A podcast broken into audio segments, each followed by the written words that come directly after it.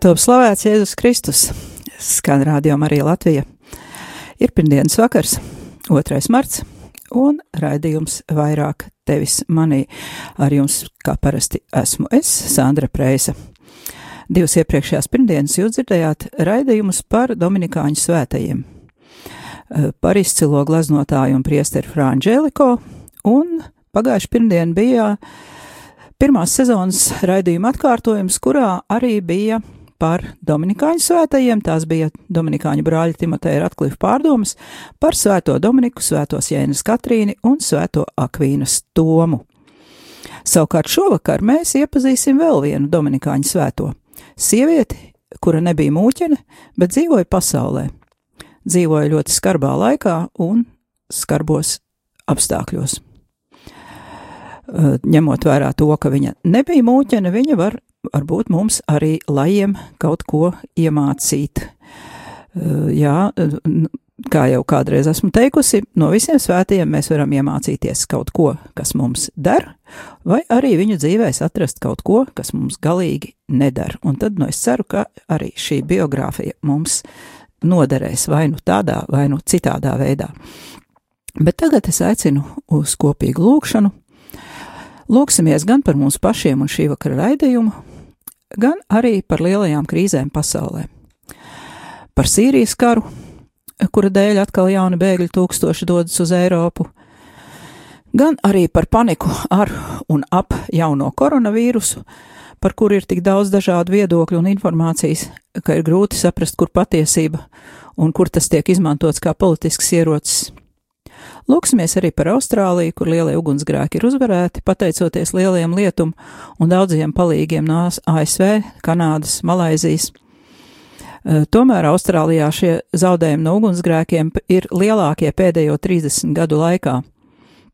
Un valsts šobrīd koncentrējas uz palīdzības sniegšanu cietušajiem un uz dabas resursu atjaunošanu. Bet eh, attiecībā uz koronavīrusu es papētīju statistiku, un eh, no visiem uh, gadījumiem, uh, kas ir bijuši, tagad jau ir pāri par 90 tūkstošiem saslimšanu, 45 tūkstoši cilvēku ir jau izvesaļojušies, 41 vēl uh, ir slims, 7 tūkstoši no šā 41 uh, ir diezgan nopietnā uh, smaguma pakāpē slimi. Tātad uh, no 41 7 tūkstoši tas ir uh, viena septītā daļa apmēram cilvēku. Tā tad ir smagā stāvoklī, un uh, miruši kopā ņemot ir 6% no visiem saslimušajiem, bet pa vecuma grupām skatoties līdz 60 gadu vecumam tie ir 0,4%, un tad ir ļoti strauji pieaugums cilvēkiem, kuriem ir 60, 70 un vairāk gadu, un tas ir saistīts ar to, uh, ka gan vecumā nova- novainās imunitāte, gan arī, nu, kā jau mēs visi zinām, mēs ar gadiem esam sadzīvojuši sev visādas smagas un mazāk smagas kaitas, un katra slimība, kura mums ir, arī mūs padara vājākus un uzņēmīgākus pret šo vīrusu. Tātad jāuzmanās visvairāk ir cilvēkiem ap gadiem 70 un vecākiem, un, protams, eh, ir jāievēro personiskā higiēna, tātad jāmazgā rokas ik pa brīdim, eh, ar netīrām rokām, ja esat ķērušies pie kādiem durvju rokturiem vai transportā braukuši vai kaut kur svešā vietā bijuši un ar plikām rokām kaut kam pieskārušies, tad ar tām pašām rokām, kamēr nav nomazgātas, nevajadzētu ķerties klāt pie acīm, pie deguna, pie mutes vai ēst kaut ko, jo tā var arī dabūt vīrusu. šo saslimšanu, un pārsvarā pat saslimšanas notiekot tieši tā. Nu, un, protams, ja ir pašiem klepus vai apaugstējušies, neiet ārā un arī turēties pa gabalu no tādiem, kas ir apaugstējušies. Tas tad arī būtu viss par šo epidēmiju.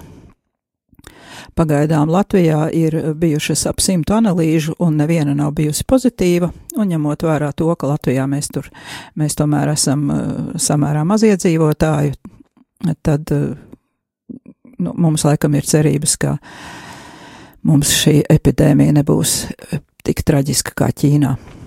Un tagad lūksimies, un pēc tam arī pie šī vakara raidījuma tēmas Dieva tēva un dēla un svētā gara vārdā Āmen.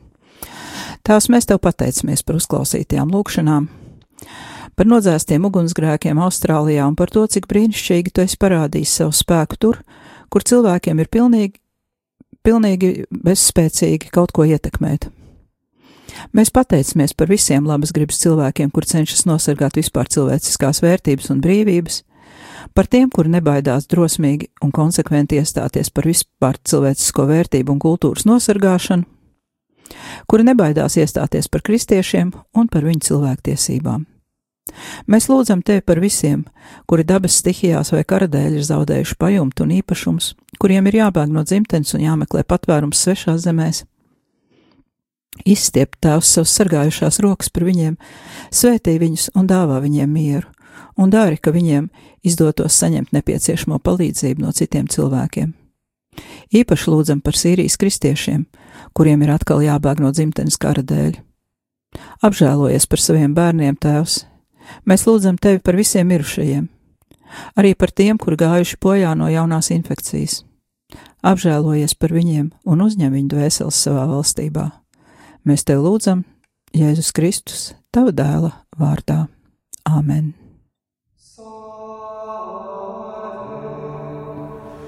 Praise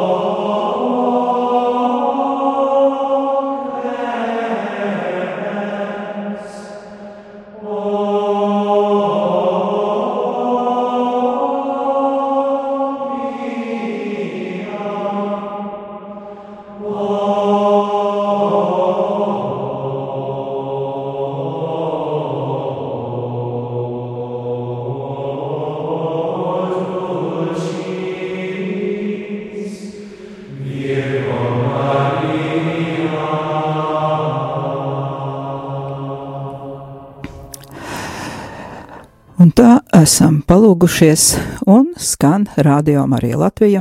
Raidījums vairāk tevis manī. Es Sandra Preisa ar jums kopā un uh, tagad turpināsim tēmu, kuru gan ieskicēju kā 21. gadsimta kristietis, uh, kā izdzīvot savu ticību pēc patiesības laikmetā. Taču šodien nerunāsim par 21. gadsimta kristieti, bet gan par 16. gadsimta. Taču tas nemaz nav iziešana ārpus tēmas, jo mēs nevarētu būt 21 gadu kristieši, ja arī pirms tam iepriekšējos gadsimtos kristietība nebūtu pastāvējusi, un mēs nekad nevarēsim izturēt un izdzīvot savu ticību, ja mēs aizmirsīsim par savām saknēm, ja mums nebūs skolotāju iepriekšējās paudzēs, no kuriem mēs varam daudz mācīties. Radījumos mēs esam arī nedaudz ielūkojušies mūsdienu realitātē, kuru nosacīti definējām kā tukšās baznīcas. Un runājam arī par to, ka šai problēmai ir ātrie risinājumi un ilglaicīgie. Kā vienu no galvenajiem risinājumiem, kurš ir ātrais, varētu tā teikt, un pie kura varam ķerties klāt tulīt pat, šo risinājumu mēs formulējām ar svēto rakstu fragmentu palīdzību no vēstules galotiešiem 2.20. Līdz ar Kristu esmu krustā sists, bet nu nedzīvoju es, bet manī dzīvo Kristus. Bet cik tagad es dzīvoju miesā, es dzīvoju ticībā uz Dievu dēlu, kas mani ir mīlējis un nodevies par mani. Tātad tas, ko varam darīt tūlīt, katrs no mums, un pilnīgi noteikti nekļūdīsimies, ir dzīvot tādā veidā, lai varētu par sevi pateikt tā, kā tikko dzirdētajā fragmentā par sevi teica apustulis Pāvils. Un pierādījums tam, ka tā nav neiespējamā misija, ir ļoti daudzie svētie, kurus mēs pazīstam no baznīcas vēstures, par kuriem esam daudz dzirdējuši, un tādi svētie, par kuriem mēs vispār neesam dzirdējuši, un, kā jau vairāk kārt esmu teikusi, veseli 400 svēto ir tikai vienā vienīgā Dominikāņu ordenī. Pa šiem 800 ar nedaudz nelielu astīti gadiem, tātad 800 gadu laikā 400 svēto. Par dažiem kur, kurus es jau minēju raidījuma sākumā, mēs klausījāmies iepriekšos raidījumos, un tā tad šodien atkal viena Dominikāņu svētā. Visi svētie, par kuriem esam runājuši iepriekš, parāda mums dažādus ceļus, ko darīt, lai sasniegtu šo mērķi, kuru tikko izvirzījām. Un tā tad šodien pievienosim vēl vienu svētas dzīves pieredzi, bet tas gan arī nenozīmē, ka mums būtu kā bez prāta jākopē kāds no šiem svētajiem, bet drīzāk viņus iepazīstot, mēs kaut ko varam no katra paņemt sev kā mācību, lai veidotu paši savu unikālo dieva pieredzi. Nezinu, vai un kad un, un cik jūs esat dzirdējuši par šo svēto. Pirms kāda laika es biju uzrakstījis rakstu par viņu grāmatiņai mieram tūlu un noteikti kāds no jums to ir arī lasījis, taču zinu, ka nav daudz cilvēku, kur izlas šīs grāmatiņas no vāka līdz vākam, un tādēļ nolēmu šodien iepazīstināt tos, kuri par viņu neko nezina, un arī atgādināt tiem, kuri kaut ko vēl atceras.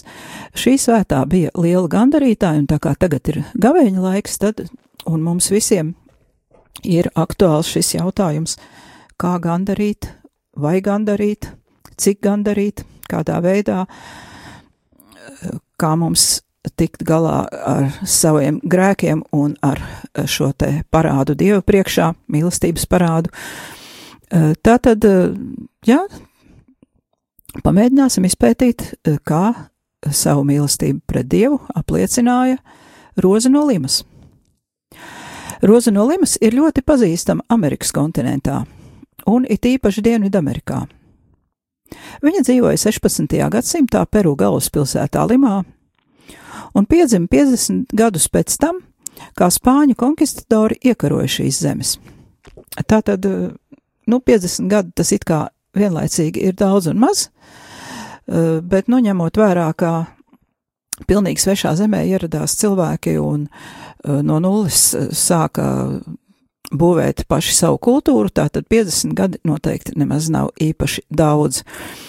Viņa ir pirmā svētā no tās augtās jaunās pasaules un ir Amerikas kontinenta un Filipīnu svētā aizbildne un vispopulārākā svētā Amerikas kontinentā. Iesākumā viņas svētki tika svinēti 30. augustā, vēlāk pārcelt uz 23. augustu, taču Latīņa Amerika tos turpina svinēt 30. Un Peru tā ir oficiāla valsts brīvdiena un lieli tautas svētki. Baznīca ir kanonizējusi svēto rozi viņas tikuma varonības un svētā dzīvesveida dēļ, taču dziļāk ielūkojoties viņas biogrāfijā, mūsdienu cilvēkam var rasties daudz jautājumu. Tādēļ šīs pārdomas būs drīzāk jautājumu provocēšana nekā kādu drošu atbilžu vai norādījumu sniegšana. Novēlu jums, mīļie klausītāji, iesaistīties šajā provokācijā un meklēt atbildes baznīcas mācībā, vēstures grāmatās, svētajos rakstos, otrā Vatikāna koncila materiālos un īpaši dokumentā Lumen Gentium, lai atrastu un izdzīvotu savu personīgā svētuma ceļu. Es pati svētās rozes vārdu pirmoreiz dzirdēju pirms vairāk nekā 20 gadiem, kad iepazinos ar Dominikāņu ordeņa brāļiem. Mūsu draudzē bija kāda ļoti skaista un dievbijīga meiteņa, kuru brāļi bija iesaukuši par rozi, lai gan tas nebija viņas kristītais vārds, un vispār tas nebija arī neiestiprināšanas, vienkārši brāļi viņu tā iesauca. Un pēc tam viņi mums arī pastāstīja stāstu par rozi no limas. Arī viņai tas nebija kristītais vārds, bet iegūts viņas neparastā skaistuma dēļ. Taču par svētās rozes dzīvi brāļi mums neko daudz nestāstīja, vienīgi to, ka viņa dzīvoja Peru, daudz gandarīja un lūdzās, un viņas gandarīšana bija ļoti nežēlīga pašai pret savu miesu. Man likās interesanti uzzināt par šo svēto kaut ko vairāk, taču eh, toreiz pirms 20 gadiem nebija pieejams internets, bet latviešu valodā bija ļoti skopa informācija. Jāpiebilst, ka Dominikāņu ordenim uh, jā, šajā laikā ir, ir bijuši ļoti daudz svētie, un par visiem nav saglabājies vienāds materiāla daudzums. Tādēļ arī par rozi nu, nācās diezgan iespringt, lai kaut ko atrastu. Un ir saprotams, ka pirmos svētos, kurus es iepazinu, mm, tie bija tādi, par kuriem bija iespējams atrast vairāk informācijas.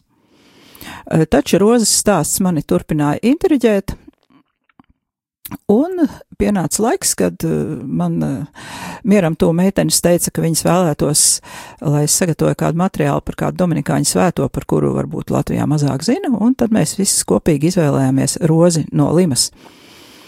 Bet kāpēc tieši rozi? Tāpēc, ka nu, jau internetā, protams, mūsu dienās mani pamudināja interesantas ziņas no Peru Dominikāņu mājaslapas. Jo zinātnieki, antropologi, anatomi un datorspeciālisti un mākslinieki kopīgiem spēkiem vairākus gadus mēģi, mēģināja pēc svēto galvaskausiem atjaunot viņu ārēju izskatu, kāds tas varētu būt viņas, viņu nāves brīdī.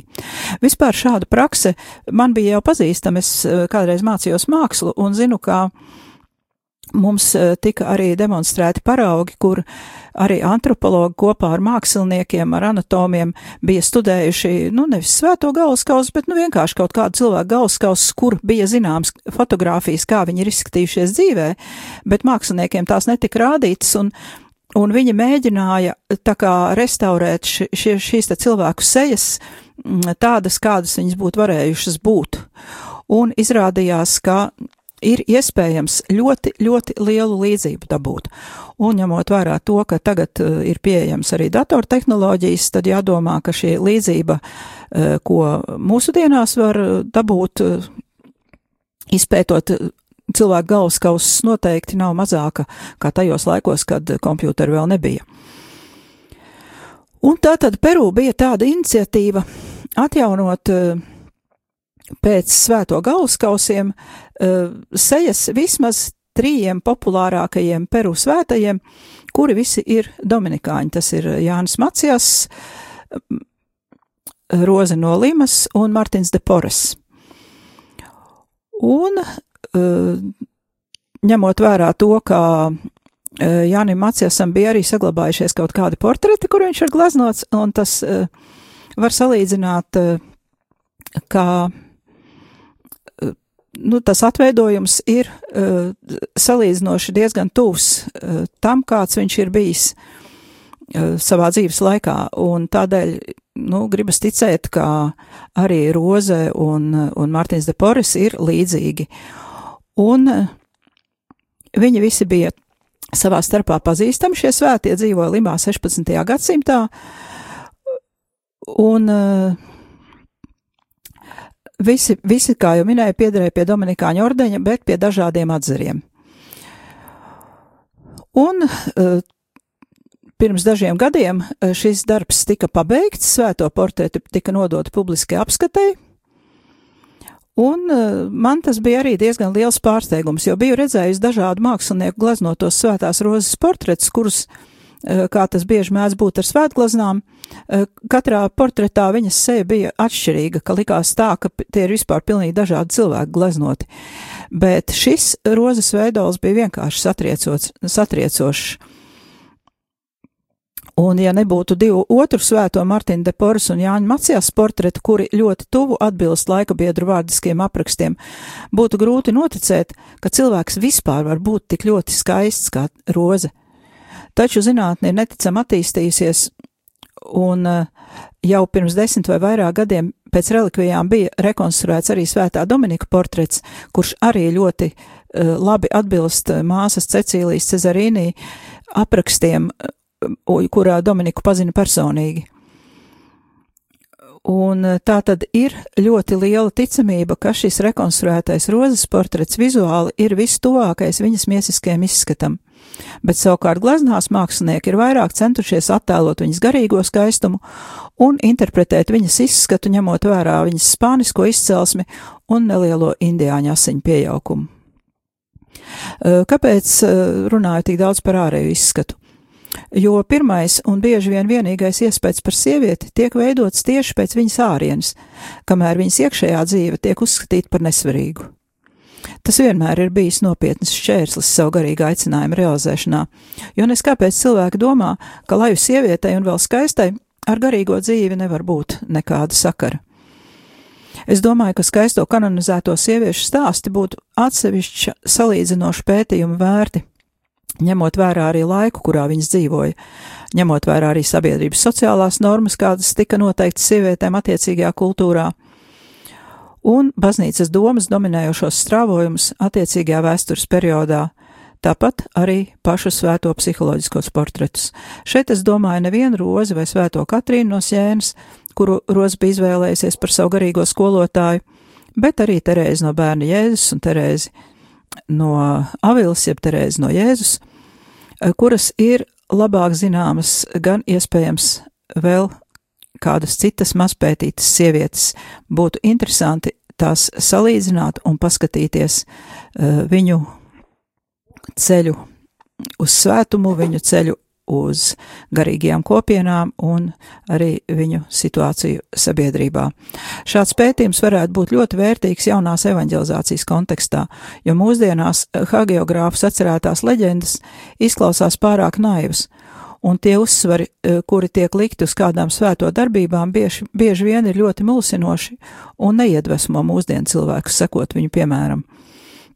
Un tādēļ, ja man klausās kāds uh, ražzīs students, varbūt kā uh, var ņemties un taisīt kādu pētījumu, mūsdienīgu pētījumu par svētajām sievietēm, uh, tādu pētījumu, kuru lasot uh, iedvesmotos mūsdienu jaunieši, mūsdienu cilvēki, un lai šī valoda un pētījuma stils un, un arī atsaucis un avoti būtu atbilstoši mūsdienu izpratnē un mūsdienu prasībām.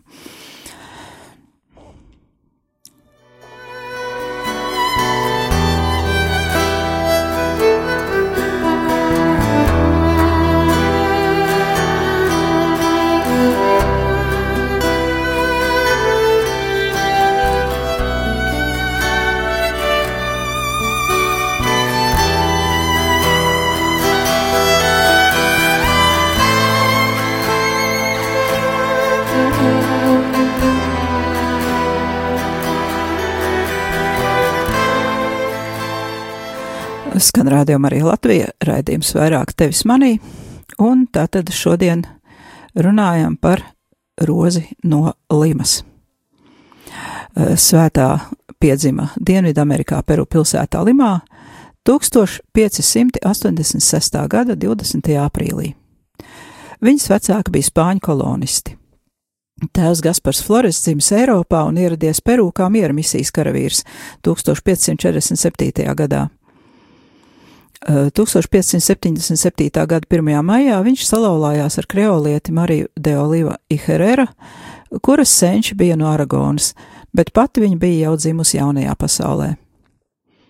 Viņu laulībā piedzima 13 bērni, 4 meitenes un 9 zēni, taču vēsture ir saglabājusi tikai 10 bērnu vārdus, jo iespējams, ka pārējie bērni bija miruši pavisam maziņi. Mūsu svētās rozes kristītais vārds ir Izabela Flores de Oliva, un vārdu viņai deva par godu viņas vecmāmiņai. Meitene bija ceturtais bērns šajā ģimenē. Par to, kāpēc viņu iesauca par rozi, avoti min dažādas versijas. Dažas gluži dabiskas un ticamas, bet citas tādas, kuras drīzāk izklausās pēc pasakām. Zīdainis esot bijis neizsakāmi skaists, un pieaugot skaistums tikai vairojās. Stāsta, ka māte šā skaistuma pārsteigta iesaukus meitu par rozi, un šis vārds viņai kļuva gan par komplimentu, gan par smagu nastu, kā redzēsim vēlāk. Savukārt leģendas stāsta, ka kristību brīdī vai drīz pēc kristībām kāds no tuviniekiem esot redzējis viņas augumu, uz mirkli pārvēršamies mistiskā rozē. Bet vēl cits redzējis vīziju, ka pār bērna seju nolaižas rozes zieds, kuram pieskaroties bērna sejai, tā atmirdzējusi dīvainā spožumā, un šis mirdzums palicis uz visiem laikiem. Tas viss izklausās diezgan romantiski, bet īstenība bija samērā skarba. Ģimene nebija bagāta, un brīdī, kad dzima Izabela Roze, viņas tēvs strādāja par darbu vadītāju sudraba rūdas raktuvēs un bieži bija prom no mājām. Bērni ģimenē dzima katru otro gadu, un viņus audzināja māte, vecmāmiņa Izabela, kalpi un kalponis. Un te nu sākās dīvaini sarežģījumi, kuri, kā atzīst mūsdienu pētnieki, varēja dziļi ietekmēt mūsu svētās personību un tālāko dzīves ceļa izvēli. Māte un kalpi skaisto bērniņu konsekventi sauca par rozi, bet vecmāmiņu par Izabelu. Vecmāmiņa jutās aizskart, ka tiek panicināts viņas vārds, kurš kristībās, kristībās ir dots meitenei. Kad māte vai kalpi sauc rozi un meitene atsaucās, vecmāmiņa viņu sita, bet ja meitene atsaucās uz vārdu Izabela, tad viņu sita māte. Tā nu bērnam sāka jukt lietas, jo viņa tika sodīta tikai par to, ka paklausīgi atbildēja savu mīļo cilvēku saucieniem. Tādā veidā mīlestība viņas izpratnē nesaraujami sasaistījās ar sāpēm un ciešanām, jo viņu sita paši tuvākie un pilnīgi ne par ko. Kā jau savulaik bērns, meitene tika audzināta dievbijīgi. Viņa ļoti iemīlēja lūkšanu un iedvesmojās no dažādu svēto dzīves stāstiem bet tā kā savu pirmo priekšstatu par attiecībām ar Dievu bērni parasti veido pēc savas ģimenes attiecību modeļa, meitene jau agri izvēlējās upurēšanās, sāpju un ciešanu ceļu, kā mīlestības apliecinājumu savam mīļotajam kungam. Stāsta, ka jau sešu gadu vecumā mazā meitene sākusi sevis mērdēšanu, pirmdienās, trešdienās un piekdienās, gavējot tikai ar maizi un ūdeni.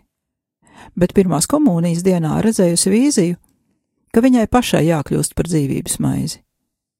Lai gan, iespējams, ka līdzīgi kā stāstos par svēto Katrīnu no Sienas, bērnam tiek piedāvāti pārdzīvojumi un pieredzes no vēlākiem gadiem.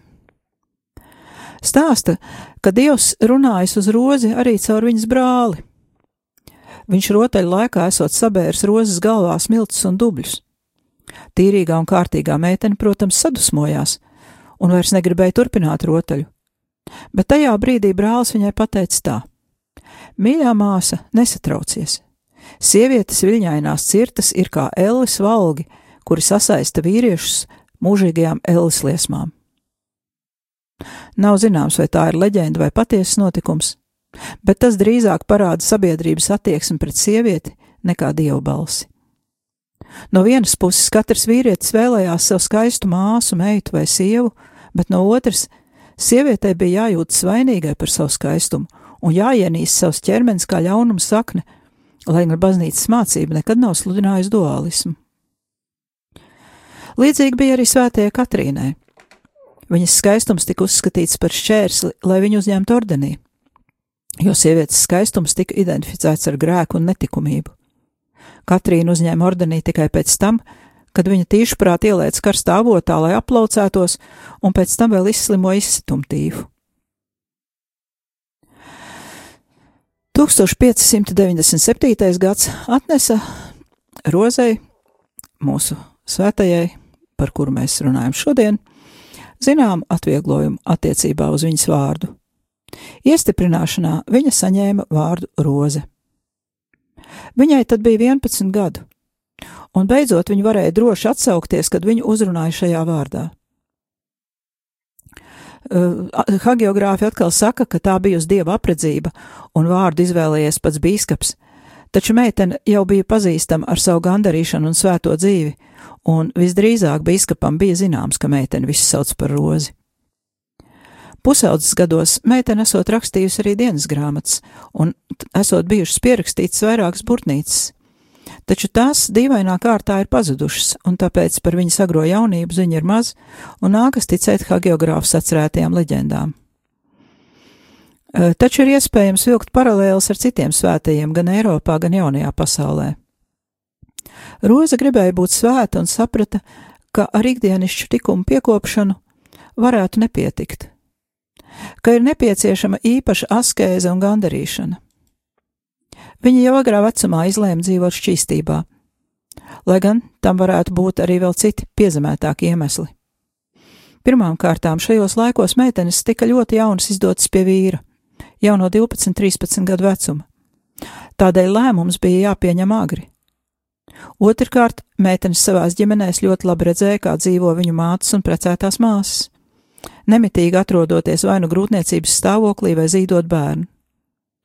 Bērni bieži mira, un tikpat bieži mirst sievietes no dažādiem dzemdību sarežģījumiem. Katrīna no Sienas, piemēram, salika šķīstības solījumus agrā bērnībā, un viņas biogrāfi domā, ka iespējams tas ir tādēļ, ka viņa redzēja, kā dzemdībās nomirst viena no viņas vecākajām māsām, kura bija Katrīnai īpaši mīļa. Savukārt Terēze no Jēzus, ja Bavils Terēze pat ir izteikusies, ka nevēlas atkārtot savas mātes, kura nomira kārtējās dzemdībās, un vēlāk pamāca likteni. Var oponēt, ka Dievs ir tuvu jebkuram cilvēkam, jebkurā viņa dzīves situācijā, taču mēs nevaram izslēgt arī meiteņu emocionālu reakciju uz savu tuvo sieviešu nāvi. Bez tam ilgu laiku baznīcā un sabiedrībā tika kultivēts uzskats, ka svētums un kontemplācija vispār ir tikai konsekrēto personu privilēģija, un lajiem, it īpaši sievietēm, ir vienkārši paklausībā jāpilda savi ikdienas pienākumi un sabiedrības normas, un tad gan jau šķīstītavu viņi nopelnīs. Tagad uztaisīsim atkal mazu muzikālu pauzīti, un pēc tam turpināsim. Gloria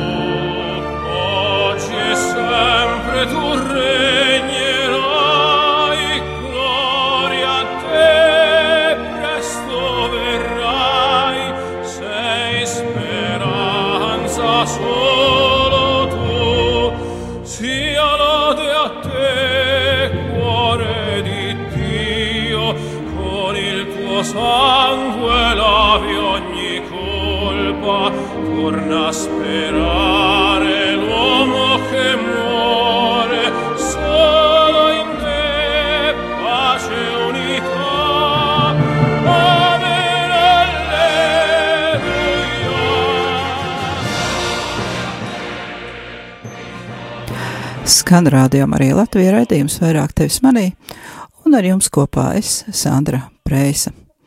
Šovakar mēs eh, mēģinam iepazīties ar kādu Dominikāņu svēto, kuras vārds ir Roza no Limas, un kura dzīvoja 16. gadsimtā Peru. Tātad turpinām mūsu apskatu, un runājot par svētajām sievietēm, ļoti daudzas no viņām patiesībā var nosaukt par dumpiniecēm, jo, kā jau minēju, eh, sievietes netika īpaši atbalstītas, ja viņas izvēlējās eh, dzīvi šķīstībā dievam par godu, un jo īpaši, ja viņas vēl nemaz nestājās klosterī, bet vēlējās dzīvot pasaulē.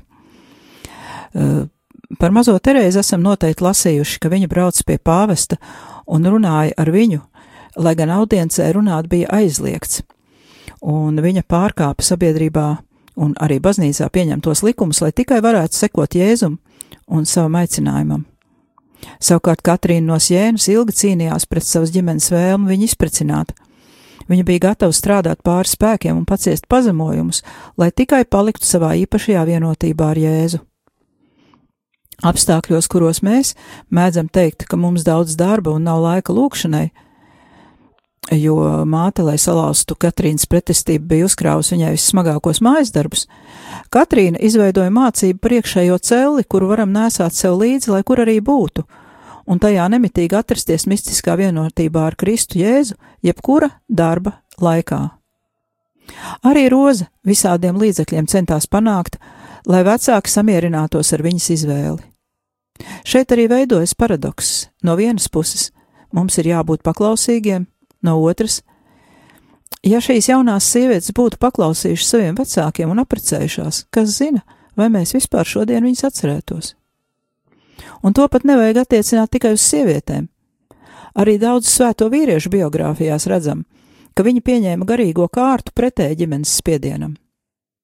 Tomēr sieviešu stāvoklis bija daudz sarežģītāks sabiedrībā pieņemto normu dēļ. Tā, protams, ir neliela spekulācija, bet tas rosina domāt.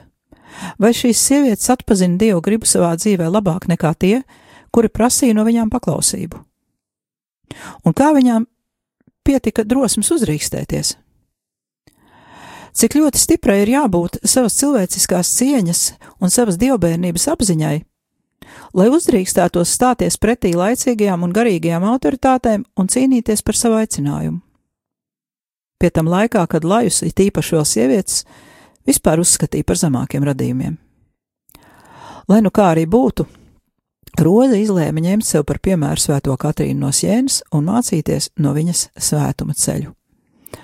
Un, e, kā varam tātad saprast arī, ja Roza rakstīja dienas grāmatas un e, Katrīnas biogrāfiju izvēlējās sev par e, tādu mācību grāmatu, varētu teikt, tas nozīmē, ka viņa, neskatoties uz to, ka piedzimā Latvijā un kā tas bija 16. gadsimts, un viņa bija sieviete un ne no sevišķi bagātas ģimenes, tā tad viņa mācīja lasīt un rakstīt. Un, attiecīgi, varam izdarīt arī secinājumus par viņas inteliģenci. Bet attiecībā uz šo paklausību vai nepaklausību vecākiem un garīgtēviem, hagiogrāfi saka, ka šajā gadījumā mēs sastopamies ar īpašu paklausības veidu. Gan Roze, gan Katrīna, lai gan atteicās iziet pie vīra, visās pārējās lietās rādīja paklausības piemēru. Viņas centās pārliecināt savus vecākus, ka viņu dvēseli pestīšana un garīgās bagātības uzkrāšana ir daudz vērtīgāka par īslaicīgo labumu, kurus viņas gūtu izdevīgi aprecoties un iegūstot stāvokli sabiedrībā. Un ir jāsaka, ka svētās patiešām panāca savu vecāku domāšanas veidu izmaiņas. Gan Katrīna, gan Roza bija strādājošas sievietes, kuras par velti savu maizi nēda. Katrīna gan vecāka ar laiku atbrīvoja no mājas darbiem, lai viņa varētu nodoties sludināšanas aicinājumam, jo ģimene bija bagātāka, un tā tomēr bija Eiropa un Eiropas kultūra. Savukārt Roze visu savu dzīves laiku paralēli saviem žēlsirdības darbiem palīdzēja ģimenei pelnīt naudu uzturam. Ģimene bija nabadzīga, un arī apkārtējā sabiedrība vispār nebija bagāta, un nebija apveltīta arī ar augstiem tikumiem. Kā raksta peru, peruāņu vēsturnieks Luis Migels Glave, sabiedrība šajā laikā sastāvēja aptuveni no sešiem tūkstošiem spāņu izcelsmes vīriem, no kuriem ap divi ar pus tūkstošiem piederēja dažādām reliģiskām kongregācijām, bet pārējie pārsvarā bija laimes meklētāji un avantūristi. Saka, ka garīgajai un laicīgajai varai šie ieceļotāji, šie baltie cilvēki no Eiropas sagādāja daudz vairāk problēmu nekā vietējie indiāņi. Un šā haosa vidū rozei, tāpat arī līdzīgi kā Martinam de Poris un Jānim Macijas, bija jāatrod un jāīsteno savs svētuma modelis. Tieši tāpat kā skaistā Katrīna, arī Roza nopietni saniknoja savus vecākus ar lēmumu neprecēties, jo vecāki bija cerējuši skaisto meiteni izprecināt kādam bagātniekam un uzlabot ģimenes materiālo stāvokli.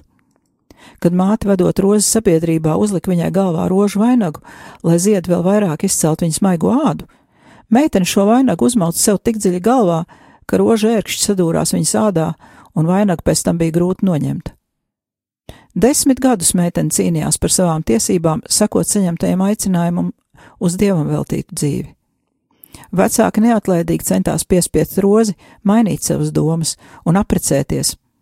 Dusmu laikmēs viņa pat sita meiteni, un tomēr galu galā piekāpās, un tēvs pat atvēlēja istabu mājā, kurā rozi varēja izguldināt un aprūpēt slimos. Viņa nogrieza savus biezos skaistos matus, ap vēderu zem drēbēm aptina akas ķēdi, kuru aizslēdz ar piekaramu atslēgu un slēdzeni iemet 16 metrus dziļajā akā. Viņa stingri gavēja, lūdzās, un gulēja tikai divas stundas. Viņa nēsāja galvā sudraba kroni ar lieliem ērkšķiem, kuri plosīja viņas galvu, bet slēpa to zem ziedvainaga. Roza viņas neparastā skaistuma dēļ vajāja vīrieši, kur viņu iekāroja, jo viņa bija neprecēta un nebija arī klostermāsa. Un tāpēc meitene smērēja savu seju ar pelniem, berzēja ar kājienas pipariem, lai āda būtu sarkana un piepampusi, acīs lika ķiplokdaiviņas, bet reiz kā īpašu gandarīšanu ielika ugunī un apdedzināja savus rokas. Dienā meitene rūpējās par nabagiem un slimajiem, īpaši par afrikāņu un indiāņu izcelsmes vergiem, palīdzēja un atbalstīja sievietes krīzes situācijās, darināja dažādas rokdarbus pārdošanai, lai palīdzētu ģimenei, bet naktīs lūdzās savā dārzā jaunos Marijas statujas priekšā pie nelielas grotas, ko pati bija uzbūvējusi, kopā ar vienu no viņas vecākajiem brāļiem, Hernando. Reiz kādas lūkšanas laikā Dominikāņu baznīcā Roza piedzīvoja vīziju, ka Jēzus sniedz viņai gredzenu un aicina vienoties mistiskā laulībā. Šis pārdzīvojums, kur apstiprināja arī viens no Rozes biktstāviem, bija spēcīgs arguments tā laika sabiedrībai, un Roze saņēma tiesības legalizēt savu dzīvesveidu, kuru dēvēja par beata. Tas nozīmēja, ka viņa drīkst dzīvot nelaulāta un ārpus klostera sienām, un neviens nedrīkst viņu vairs aizskart par to. Šā laika sabiedrībā neprecēta sieviete, kur nedzīvo klosterī, bija kā piedaudzības akmens apkārtējiem. Lai gan arī pēc tam Roza nestājās ka, lai arī pēc tam uh, varētu, varētu izsacināt, ka Roza negribēja stāties klosterī, taču varētu gadīties arī, ka viņa nestājās pavisam citiem iemeslu dēļ, ģimenes nabadzības dēļ, jo klosterī stājoties meitenē bija nepieciešams pūrs, un Rozai ģimene šādu pūru nodrošināt nebija spējīga. Ap 20 līdz 25 gadu vecumā Roze saņēma Dominikāņu terciārs habitu, kuru, vis, kuru vispār vairs neģērba nost. Lai gan māte bija izmisumā par rozes ekstrēmo gavēšanu un gandarīšanu, Roze atrada atbalstu pie dažiem saviem bikstāviem, kuru viņai bija ap 11. Uh, Patiesībā meitene darīja diezgan viltīgi. Viņa vienkārši sameklēja sev daudzus biktstāvus, un ja viens viņai kaut ko aizliedz, tad viņa gāja pie cita un eh, tik ilgi, kamēr kā, atrada kādu biktstāvu, kas akceptē viņas izvēles. Tā kā tur, jā, arī, arī viņa ir mācējusi kaut kā, nu, atrast izējas no situācijām. Un viņa kļuva par savas pilsētas ievērojamāko sievieti, un dzīves laikā jau tika uzskatīta par svētu. Saistībā ar viņas dzīvi runā arī par daudziem brīnumiem. Protams, ka brīnumi un arī viņas dzīvesveids pievērs inkvizīcijas uzmanību. Taču inkvizītori bija spiest atzīt, ka rozes teoloģiskā zināšanas ir vismaz tikpat augstas kā mācītiem teologiem, un turpmāk lika viņu mierā. Ja atceramies no Katrīnas, no Sienas biogrāfijas, tad arī Katrīnai bija līdzīgi, un ja roze mācēja lasīt un kaut ko varēja vismaz pat izlasīt, Tāda Katrīna pat lasīt nemācēja, un tomēr viņas no Dieva bija saņēmušas eh, tik brīnišķīgas atklāsmes un zināšanas, eh, kā redzēt pat inkvizīcija atzina tās par eh, augsta līmeņa un pilnīgi pareizām, kuras nav pretrunā ar baznīcas mācību. Taču, sakojot rozes, piemēram, bija vēl citas meitenes, kuras arī gribēja kļūt par šādām te beata, un pēc rozes nāves mēģināja sekot viņas pēdās bet lielākā daļa no šīm meitenēm pazuda bez vēsts inkvizīcijas pagrabos. Tēvs Džilelmo Alvares, viens no Rozes pēdējiem biogrāfiem, uzskata, ka viņas galējā pašapkropļošanās un pašmocības bija viņas vienīgā iespēja, kā izteikt protestu pret apkārt valdošo netaisnību, un nevis psiholoģiskas dabas novirze vai mazohisms. Tas bija veids, kā viņa izteica savu solidaritāti ar indiāņiem un pārējiem apspiestajiem. Lai gan man gribētu šeit papētīt līdzību ar kādu citu dominikāni, šoreiz gan vīrieti svētīgo Henriju Suzo, kurš arī bija slavens ar ekstrēmu sevis mocīšanu, un arī līdzīgi rozē bērnībā ģimenē bija ticis pazemots. Jo baznīcas mācība un svētie raksti gan māca pacietīgi panest ciešanas, kuras rada nepārvarami apstākļi, bet nekur netiek mācīts, ka cilvēkam būtu pašam sevi jākropļo līdz pat nāvei. Eh, kad roze pastāvīgās askēzes dēļ vairs nevarēja nostāvēt pat kājās un pilnīgi bija zaudējis spēkus, brālis izbūvēja viņai eh, tādu mazu šķūnīti, pārveidoja par vientuļnieces mītni, un šajā šķūnītī viņa gulēja kastē uz saplēstu flīžu lauskām, un eh, šī telpa bija tikai nedaudz lielāka par vienu kvadrātmetru. Savukārt ieeja bija tik zema kā suņu būdai, un tajā varēja ielīst tikai četrāpus.